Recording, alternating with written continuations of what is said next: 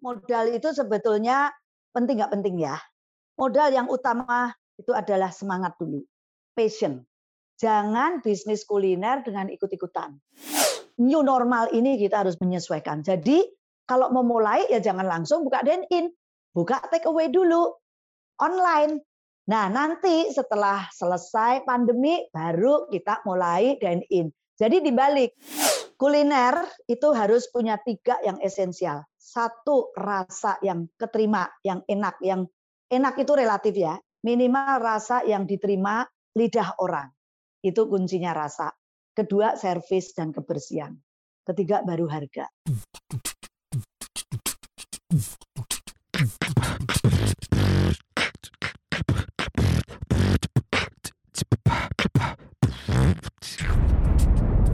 cuap-cuap cuan. Halo Sobat Cuan semuanya, ketemu lagi di podcastnya CNBC Indonesia Cuap-Cuap Cuan bersama saya Alin Wiratmaja. Kali ini kita akan membedah soal bisnis kuliner bersama dengan pebisnis legendaris di dunia kuliner yaitu Tante Swan Kumarga atau yang akrab dipanggil sebagai Tante Swan dan sekarang banyak aktif sebagai influencer dan juga content creator. Halo Tante Swan, apa kabar? Baik, sehat-sehat. Puji Tuhan, sehat-sehat ya Tante Swan. Oke, kita tahu nih sekarang uh, rumah makan atau restoran yang didirikan Tante Swan puluhan tahun yang lalu, Dapur Solo nih ada di mana-mana sampai ribuan cabang. Tapi boleh diceritain nggak Tante dulu pas awal bangun? Oh, belum ribuan, belum kan ribuan. Dari, oh, belum ya? Ratusan. Belum lah. Masih puluhan, masih oh, puluhan. Oh, Oke Tan, kalau kita lihat kalau, kalau doanya ribuan amin. Amin. Jadi kan dapur Solo ini bisa kita temukan di mana-mana nih Tan. Ya. Kan? Nah, dulu awal mendirikan dapur Solo tuh kayak gimana? Bener nggak sih itu awalnya dari seorang bisnis rumahan aja Tan gitu? Bener. 33 tahun yang lalu persisnya tahun 1988 itu saya dirikan dari garasi rumah itu benar dan modalnya cuma sepeda dengan brosur. Brosur yang mending brosurnya kalau dicetak ya, brosurnya hanya ditulis dengan spidol, tulisan tangan, tiap hari saya edarin dari rumah ke rumah bersama anak saya yang waktu itu masih satu tahun. Nah itu mulainya saya. Wah benar-benar perjuangan ya. Kapan itu mulai kelihatan hasilnya sih Tan? Uh, perjuangan itu baru mulai kelihatan itu setelah tiga tahun ya setelah tiga tahun. Tapi kalau namanya kita berjuang dari nol dari modal kecil di garasi rumah sendirian tanpa karyawan nah itu biasanya setiap tiga bulan enam bulan itu pasti ada uh, roller coasternya. Gelombang naik turunnya itu tiga bulan. Jadi pertama jualan pastinya laku. Lakunya sama siapa? Sama temen, sama tetangga, begitu. Giliran tetangga, temen sudah pada cobain, pastinya menurun. Nah, ini awal kalau berjualan dari rumah, dari nol. Itu yang paling susah itu. Betul nggak, Lin? Biasanya kan, Betul. Alin kalau, kalau ada temen, kan biasanya teman-teman mau bantuin kita kan, mereka beli ya, gitu. Ya repeat order setelah itu, itu mungkin ya Tan ya? Ya, biasanya temen karena kenapa? Pertama mungkin karena kasihan. Oh kok sekarang jualan pasti kita mau. Terus kedua rasa pengen tahu, mencoba, enak gak sih gitu kan? Nah tetangga juga begitu, kasihan pengen tahu. Biasanya kalau enak pastinya repeat. Tapi kan repeat tidak pasti setiap hari repeat. Nggak mungkin orang misalnya jualan apa kue atau jualan gado-gado waktu itu saya rujak, nggak mungkin tiap hari makan rujak. Nah, begitu sudah semua coba, kita kan bagi brosur waktu itu mungkin yang tahu cuma 10 15 orang. Nah, sehari laku 15. Besoknya nyungsep, cuma 2 3. Begitu kan? Besoknya lagi cuma 2 3. Nah, ini kendala-kendala ini adalah kendala orang yang mulai bisnis dari rumahan. Biasanya tiga bulan sampai enam bulan pertama. Itu pasti dari naik, drop, turun. Nah, pada saat turun itu kita harus melakukan apa lagi? Nah, itu yang saya sudah alamin semua. Waktu saya jualan rujak, begitu tiga bulan turun, saya mesti mikir, apalagi ya selain rujak. Mulai muncul enam bulan kemudian itu gadu-gadu. Gado-gado juga begitu, ada tambahan. Gado-gado juga, uh begitu kita nyebar brosur, terus istilahnya woro-woro tuh dari eh, pelanggan, eh ada lagi loh menu baru, gado-gado. Mereka coba. Setelah itu turun. Nah itu yang kita alamin. Sampai akhirnya kolak, terus kolak kacang hijau, itu juga begitu sampai akhirnya ada yang namanya ayam goreng. Nah, baru setelah beberapa variasi mulai agak stabil. Hmm, jadi kita kayak terus evaluasi ya sampai menemukan kira-kira menu apa nih yang istilahnya selalu ada permintaannya cukup bagus gitu ya Tan ya? Ya, biasanya menu yang pastinya ya kalau kita mulai apa sih kebutuhan setiap hari orang yang uh, perlu? Kayak rujak, rujak kan nggak setiap orang pasti makan rujak tiap hari. Tapi gado-gado, orang perlu. Buat apa? Makan siang, gado-gado sama nasi. Nah itu yang men, istilahnya waktu itu menolong. Dari rujak, terus ada gado-gado mulai agak menstabilkan. Begitu saya tambah lagi dengan makanan iseng. Oleh, kacang hijau. Nah itu mulai ada variasi. Oh ada menu sampingan, menu utama, terus menu dessert, begitu. Terus tambah ayam goreng, oh jadi lengkap. Menu utamanya ada dua macam. Terus ada menu sampingannya ada dua macam juga. Nah, mulai itu. Mulai saya eh, untuk kalau sekarang enak ya bisa pakai sosial media, gampang banget dan dulu kan nggak ada sosial media. Jadi saya benar-benar mesti brosur mengandalkannya brosur dan harus mengandalkannya orang yang datang itu dianggap teman, minta tolong mereka bantu dong kenalin ke teman-teman dari dari mulut ke mulut dan dari brosur. Kalau dulu, kalau sekarang sosial media dan pastinya mulut ke mulut itu selalu. Kalau enak pasti orang dari mulut ke mulut. Jadi kalau buat pebisnis sekarang sebenarnya lebih mudah ya dibanding zaman tante dulu sebelum ada sosial media. Iyalah pastinya lebih cepat untuk naik.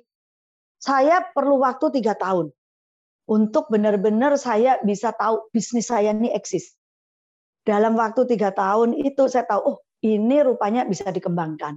Baru saya mulai berpikir pindah ke ruko. Karena dari rumah, garasi rumah, problemnya juga lain. Begitu rame di perumahan, wah tetangga pada ngoceh tuh kiri kanan. Pada mulai keberatan. Karena kenapa? Pintunya ketutupan sama mobil-mobil orang yang parkir. Kan kita nggak punya tukang parkir. Jadi kan parkir mereka juga sembarangan bisa di pintu orang. Nah, begitu orang yang tetangga mau masuk pintu, Bu, ada mobil siapa nih? Tin, tin, tin, begitu kan? Dia cari pasti ini ke tempat uh, ini busuan nih, beli makanan. Nah, mulai sering ribut sama tetangga. Nah, dari situ saya mulai. Kita kalau mau bisnis benar tidak bisa di perumahan. Saya harus perlu tempat bisnis ya di mana? Ya di pinggir jalan, lebih strategis. Nah, saya memberanikan diri untuk mulai uh, nyicil ruko. Waktu itu kebetulan suami saya kerja di developer, jadi saya minta minta dong ruko satu dicicil. Nah, saya mulai cicil ruko di daerah Sunter. Nah, dari situ saya baru mulai itu bisnis beneran. Tapi ya rukonya kan nggak langsung oh, modalnya gede. Kita pakai spanduk aja dulu juga masih pakai kain, nggak ada nama. Namanya apa? Bingung, bukan dapur Solo yang seperti sekarang sudah punya paten. Dulu cuma RM Solo. Jualnya apa? Gado-gado, rujak, kacang hijau, ayam, nah ditambah nasi. Saya bikin nasi pecel, nasi gudeg, nasi langgi. Itu mulai saya dari ruko. Dan saya mulai dari apa yang saya suka. Jadi saya suka makan rujak, kalau nggak habis saya makan sendiri. Gado-gado juga begitu. Nah nasi, saya juga suka nasi yang oh saya ingat kalau waktu kecil saya suka makan pecel, gudeg, langgi. Itu yang saya buat. Jadi dari situ saya dapat pelanggan, kebetulan di Sunter itu di area Astra. Jadi pelanggan saya rata-rata dari kantoran, dan kemudian kalau sore atau agak malam gitu ya, dari lingkungan perumahan. Jadi kalau mulai bisnis harus punya dua eh, tipe pelanggan. Kalau dekat kantoran itu menolong. Siangnya pasti orang kantoran. Sorenya orang rumahan. Nah, itu yang dicari. Kalau kita jauh dari kantor, bisa rumahan aja. Cuman orang rumahan itu lebih susah. Waktu itu saya bilang, pertama ya mereka kan sudah masak sendiri. Kalau beli eh, lauk pauk atau beli makanan luar biasanya kalau mereka nggak masak. Oke, gitu. nah kalau ya. sekarang ini kan banyak orang yang misalnya mau di masa pandemi mereka bisnis kuliner kayak gitu kan. Mm -hmm. sebenarnya untuk membesarkan atau memulai bisnis ini soal modal ini seberapa penting sih Tan? Uh, modal itu sebetulnya penting nggak penting ya. Modal yang utama itu adalah semangat dulu, passion. Jangan bisnis kuliner dengan ikut-ikutan. Ada orang yang nggak tahu rasa nih, nggak pernah tahu. Misalnya gini, suka makan cuman tahu rasa enak atau nggak enak. Nah, banyak kan yang ini anak muda, tapi dia ikut-ikutan, nggak bisa masak, rasa juga nggak tahu, ikut-ikutan mau bisnis kuliner. Nah, tapi dia punya duit, mungkin dari orang tuanya, pastinya orang tua lah kalau anak muda. Nah, mereka minta, biasanya itu nggak tahan lama. Karena mereka langsung ini, aku kan bisa bayar chef, bisa bayar orang-orang. Nah, ya kenapa enggak? Aku punya modal, bisa bayar chef, dan nggak tahu know-how-nya bisnis kuliner. Masih awal, biasanya itu nggak lama. Jamin dah itu nggak lama. Karena saya sudah lihat beberapa, kecuali dia ambil franchise ya, yang sudah uh, ada nama, itu beda. Itu pun juga kalau nggak diurus juga akhirnya juga uh, nggak akan apa itu bersaing ya. Franchise kan tetap bisnis kuliner itu harus mau all out dulu. Tahu rasa. Saya mulai bisnis kuliner itu dari saya ke pasar sendiri, masak sendiri, jadi kasir juga awalnya, jualan sendiri. Terus setelah selesai balik lagi ke pasar. Malamnya saya ke pasar. Besoknya saya masak sambil nganter anak sekolah. Setelah masak antar anak sekolah. Itu terus saya rutin sampai kurang lebih hampir 5 atau 10 tahun loh waktu itu. Nah, jadi Benar, kalau buat anak muda ya kan kalau kuliner ini berarti all out, harus benar-benar tahu rasa. Kenapa? Karena kalau kita cuma ngandelin, kita punya duit, aku bisa bayar chef atau tukang masak. Kalau tukang masaknya suatu hari berhenti, tiba-tiba anaknya sakit, orang tuanya sakit, dia harus pulang ke kampung. Siapa yang akan gantiin? kalau pemiliknya enggak. Itu sering kejadian. Saya waktu mulai juga begitu, tiba-tiba dapat pesanan.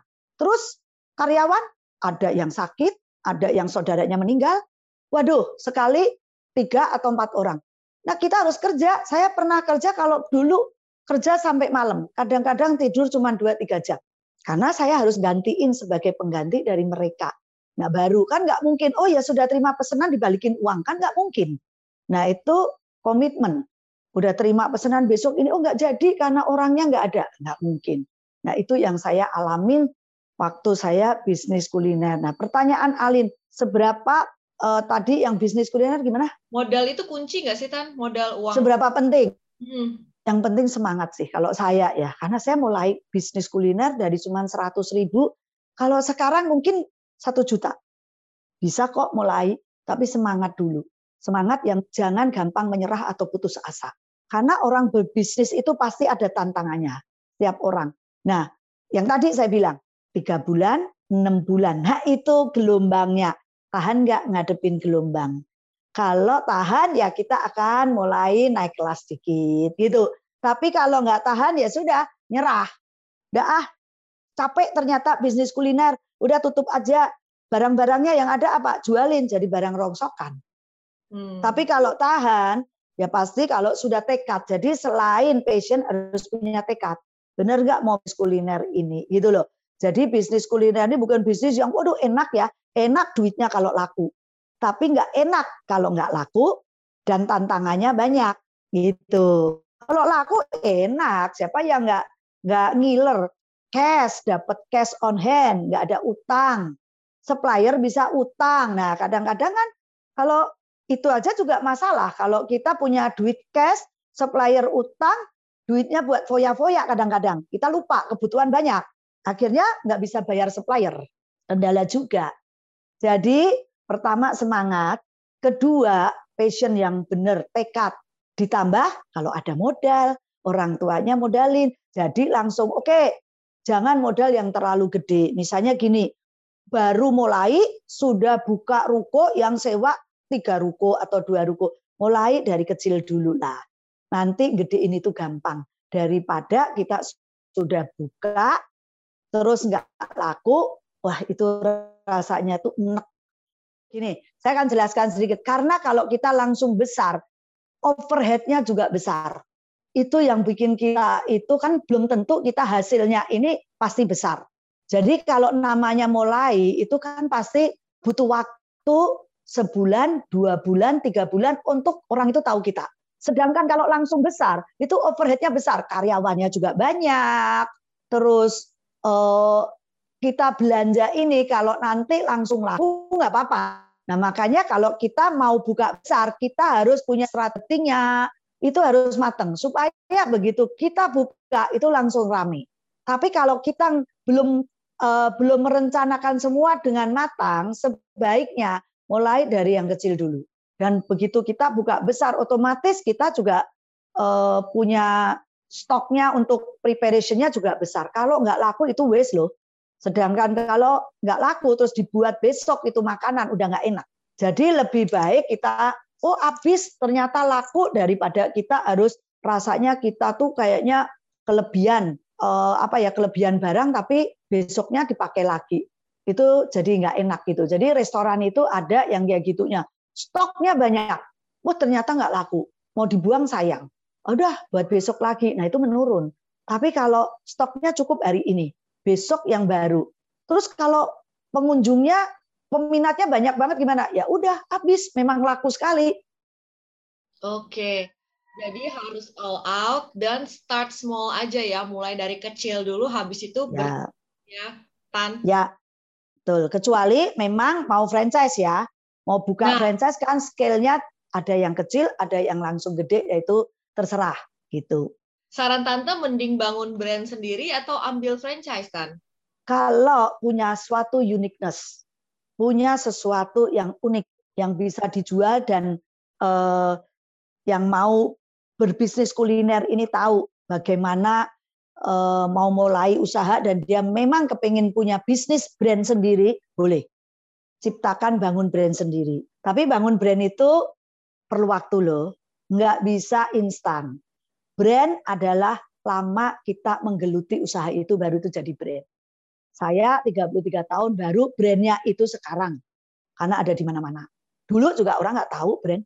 Nah kalau kita mau pakai brand yang kita beli franchise itu langsung gampang, cepet di mana-mana buka. Tapi ya kita nggak punya kebanggaan. Jadi kalau ada uniqueness yang bisa dijual, ya lebih baik bangun brand sendiri. Dan kalau punya modal, ya kita rekrut untuk sosial media, kita bisa punya brand, kita punya brand konsultan yang sekarang ini jadi digital branding, karena saya pun juga nanti bakalan akan punya satu digital branding khusus F&B yang namanya Aspirasa. Jadi kalau ada uniqueness ya ada yang bantu mikirin lah. Kalau nggak punya modal kan dulu saya, aduh duit nggak ada mau gimana saya hire uh, digital branding gitu. Kalau sekarang tinggal, oh saya punya duit ya udah mengenai sosmed digital branding saya pakai orang, pakai konsultan. Nah saya bangun uh, sesuatu uniqueness-nya ini ya bersama tim harus punya tim chef terus nanti manajer. Nah itu baru bisa kalau kita punya modal. Tapi kalau nggak punya modal ya mulailah dari rumahan, dari rumah atau dari sewa tempat kecil gitu. Kalau punya modal gede ya tadi langsung ngebangun sosial medianya. Betul kan? Jadi gampang tinggal dalam genggaman sebulan launching kita bisa undang uh, selebgram, bisa kasih diskon, ya itu cepat, lebih cepat. Iya. Tan bisnis kuliner ini kan boleh dikatakan bisnis yang paling gampang dimulai, tapi juga banyak juga yang berakhir atau putus di tengah jalan. Ya. Nah, gimana sih caranya kuncinya biar itu berkelanjutan dan cuma nggak sekedar jalan aja gitu, tapi juga bisa ada pertumbuhan gitu loh Tan. Ya, tadi ya mulainya kan semua tidak mudah. Uh, bisnis kuliner ini bisnis yang unik sih buat saya. Kita harus ada passion tiap hari kita harus mikirin hatinya itu ada di bisnis kita. Itu harus. Karena kalau kita itu biasanya gini, orang anak muda sekarang udah jadi bos, udah laku, mereka lupa. Mereka tidak pernah ada di tempat. Kadang-kadang kalau di tempat itu sebetulnya saya waktu itu ya kalau ada di tempat saya bicara dengan pelanggan. Jadi pelanggan itu dianggap teman. Jadi kita tahu kekurangan kita, kelebihan kita apa, kita akan uh, punya insight gitu loh, punya masukan langsung. Nah biasanya anak muda atau kadang-kadang kalau kita nggak punya passion, ah udah laku bisnisnya, dia tinggal ke mana-mana. Dia lupa pada saat yang jam rame dia harusnya ada di situ. Mau nggak punya waktu kalau kita mau berbisnis kuliner, kita bukan hanya sebagai karyawan loh yang kerja 8 jam, kerja lebih dari 12 jam. Karena kita buka jam 10, eh, mulai buka, jam 10 malam tutup. Biasanya kuliner kan begitu. Sekarang aja sejak PPKM ini agak semua tiarap. Semua tiarap karena bukanya nggak tentu. Buka cuma dibatesin jam sekarang sudah mulai jam 8. Eh, Dulunya boleh dibilang malah take away. Nggak ada yang bisa dine in. Ini repot. Nah mau nggak itu dulu? Jadi kalau bisa, oh saya tadi punya prinsip, oke okay, saya all out. Ya bisa. Oke. Tan, dari sekian banyak aspek nih dalam soal bisnis kuliner, apa aja sih kunci kesuksesan yang paling esensial gitu, Tan?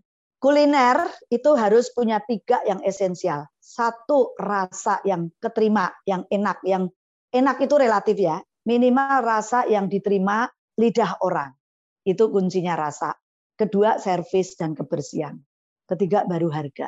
Servis, kebersihan, namanya makanan itu kalau bersih dari penampilan aja udah kelihatan. Oh ini makanan ini pasti enak dan buatnya bersih. Itu ter, uh, kelihatan dari penampilan. Kemudian service. Kalau kita dine in kita harus service yang baik tadi. Waiter kita harus training. Kebersihan ruangan, kebersihan toilet, servisnya harus ramah tamah, nggak boleh jutek sama orang. Kalau take away harus cepet, supaya orang nggak nunggu lama. Nah ini semua itu aspek yang penting. Ketiga, harga. Harga yang sesuai dengan apa yang kita jual. Jadi coba kalau kita jual gado-gado walaupun enak, harganya misalnya 50 ribu, orang yang beli ada ada, tapi banyak enggak. Tapi kalau enak harganya berapa? Porsi kalau abang-abang 15 ribu restoran misalnya 30 ribu kita bisa jual 20 atau 25 itu pasti laku. Jadi harga yang terjangkau, reasonable price buat kita yang mau sasar eh, di mana gitu. Kelas A, B, C, D atau E. Jadi itu yang sesuai porsinya. Kalau kita mau mainnya di atas ya bisa. Jual gado-gado harganya 100 ribu bisa. Yang beli pastinya eh, direktur atau CEO CEO dan tempatnya pastinya harus di start yang kalangan Tamrin, SCBD. Tapi coba jual gado-gado 50 ribu di perumahan pasti nggak laku. Itu menarik ya. Jadi ya semua tetap ada lah proporsionalnya, porsi-porsinya ada. Iya, soal bisnis kuliner nih banyak yang bilang oh marginnya gede, tapi kalau nggak hati-hati sebenarnya banyak juga nggak sih kan kos-kos yang tidak terduga kayak itu kalau bisnis kuliner? Ya semua bisnis kan pasti ada ya. Margin kelihatannya oh dua kali lipat lo 100% dari mana dulu? Kalau semua dikerjain sendiri iya. Saya dulu waktu masih di rumahan kerja sendiri benar marginnya. Karena kenapa? Saya ya masak jadi tukang masak tukang belanja kemudian saya juga jadi kasir benar tapi begitu kita mulai besar saya harus mengurangin itu porsinya. Oh tukang masak saya harus gaji. Terus saya harus punya kasir saya harus punya manajer. Ya pastinya untungnya berkurang. Jadi profit itu sebetulnya sudah ada patokan lah. Food cost berapa, terus untuk nanti waste-nya berapa, itu ada patokan semua di bisnis restoran. Jadi kalau bilang 100% bisnis bisa, kalau dikerjain sendiri. Tapi berapa porsi yang benar? Ya tergantung dari 30 sampai 40, tergantung kita jelinya mengatur oh supaya tidak waste, supaya harga suppliernya nggak kemahalan. Nah, itu butuh kita harus terjun sendiri. Oke. Ini tantangannya setelah tadi sukses merintis dari bawah adalah pada saat bisnisnya sudah mulai besar, soal manajerial, leadership. Ini dari seorang Tante Swan seperti apa sih, Tan? Kalau sudah mulai besar, mm -hmm. uh, tentang manajerial ya, kita harus cari ya itu tadi, uh, taruh put in the right man in the right place saya waktu itu selalu trial and error. Kadang-kadang saya juga salah kok tempatin orang. Oh ini uh, harusnya dia cocok jadi uh, HRD, saya tempati di sales gitu. Jadi akhirnya juga uh, nggak smooth juga gitu. Jadi semua bisnis itu kita bisa trial er, and error. Saya mulai itu ah coba ini bisa nggak ya di ini. Yang penting intinya kita mau maju, mau maju dan kita harus punya pada saat bisnis itu besar, kita harus punya manajerial. Saya waktu itu belum ada divisi keuangan. Mulai begitu maju, saya udah punya tiga atau empat cabang. Oh, ada yang namanya finance. Terus ada marketing. Jadi itu apa ya tumbuh seiring dengan revenue yang kita dapat. Kalau kita laris, kita harus mau spend supaya bisnis kita juga makin menjadi besar dan solid gitu. Kan kalau misalnya ada yang sekarang nih kepikiran mau bisnis kuliner tapi masih PPKM, sebaiknya menunggu pandemi selesai atau PPKM selesai atau sebenarnya udah bisa mulai jalan aja sih kan kalau menurut Tante Swan kayak gimana? Ya kalau saya bilang ya mau bisnis itu jalan-jalan aja. Di era yang PPKM atau sekarang ini pandemi, kita harus menyesuaikan new normal ini kita harus menyesuaikan. Jadi kalau mau mulai ya jangan langsung buka dine in, buka take away dulu online. Nah, nanti setelah selesai pandemi baru kita mulai dine in. Jadi dibalik, kalau dulu orang mulai bisnis itu pasti buka restoran. Nah, kalau mau buka restoran dulu, siapa yang mau datang? Dan waiternya mau buat apa? Jadi mulai dibalik, start dari rumahan, start dari take away, Nanti kalau sudah laku, take away-nya juga laku, tahu rasanya orang baru buka dine-in-nya. Bisa, jadi nggak menutup kemungkinan, aduh kita wait and see, mana dulu ya. Memang ini si malakama. Orang yang sudah terlanjur buka restoran, ini benar-benar nyungsep semua. Yang pada punya dine-in, terutama di mall, bayangin aja itu. Harus melayout atau mem-PHK, merumahkan berapa karyawan. Take away, untungnya ada takeaway yang sangat dibantu dengan sekarang GrabFood, terus uh, Shopee itu membantu sekali Gojek itu membantu. Online-nya itu cukup membantu karena kita tidak perlu menyediakan delivery sendiri. Kalau dulu saya belum ada yang namanya Grab, Gojek, Shopee, kita harus sedia delivery. Dan delivery itu terbatas. Kita paling punya satu atau dua. Nggak bisa menjangkau. Kalau sekarang kita dengan adanya online-online itu, kita dibantu dengan promosi-promosi dari mereka juga. Itu sangat membantu.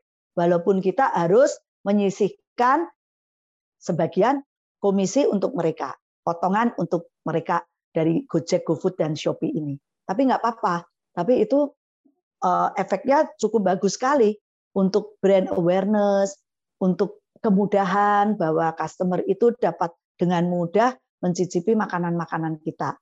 Nah, bagaimana kita bisa daftar ke Shopee, ke Grab, ke Gojek. Nah, itu kalau makanannya enak, pastinya itu ada kriteria yang mereka juga eh, apa ya kuras kurasiin ya. Nah, itu dulu. Jadi nggak apa-apa, go aja, jalan aja. Di saat kuliner ini kalau memang punya suatu tekad untuk berbisnis kuliner dan punya keunikan rasa, silahkan mulai. Karena saat ini mulai, nantinya kalau uh, rame, kita akan panen pada saat setelah pandemi. Iya. Tan pesen dong untuk teman-teman sobat cuan semua yang sedang merintis bisnis saat ini. Ya, buat sobat-sobat cuan yang saat ini sedang merintis bisnis kuliner, memang saat ini adalah saat pahit buat bisnis kuliner. Tapi jangan putus asa ya. Pokoknya tetap semangat. Yang tadi saya sudah uraikan eh, sama Alin waktu di interview, jalanin aja.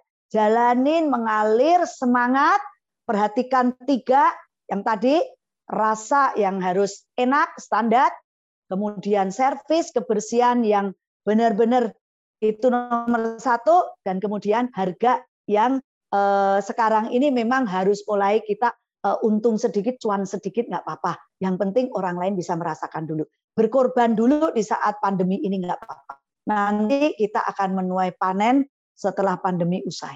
Ya, semangat buat sobat-sobat cuan. Jangan takut berbisnis kuliner di saat pandemi ini.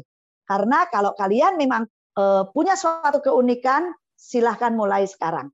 Ini saatnya kita apa ya mulai merintis. Nanti kita akan panen. Suatu hari pandemi tidak mungkin terus pandemi akan usai segera dan kita akan menuai panennya. Pada saat kita merencanakan sesuatu sekarang dan pikirkan dengan matang nanti kita mau apa setelah pandemi ini. Oke, mantap banget semangatnya. Kita semua terbakar dengan kata-kata yang menguatkan dari Tante Swan, founder dari Dapur Solo. Terima kasih waktunya untuk podcast Cuap-Cuap Cuan. Tante Swan sehat dan sukses selalu. Terima kasih juga Alin dan sobat-sobat cuap-cuap cuan. Terima kasih, semangat dan sehat selalu. Bye Tan, makasih. Yo, bye. Iya Sobat Cuan, itu tadi perbincangan kita bersama dengan Tante Swan Kumarga, founder dari Dapur Solo. Semoga bisa menginspirasi Sobat Cuan semuanya. Dengerin terus podcast Cuap-Cuap Cuan di Spotify, Apple Podcast, dan juga Google Podcast, serta saksikan videonya di Youtube. Saya Alin Maja undur diri, sampai ketemu di episode berikutnya. Bye!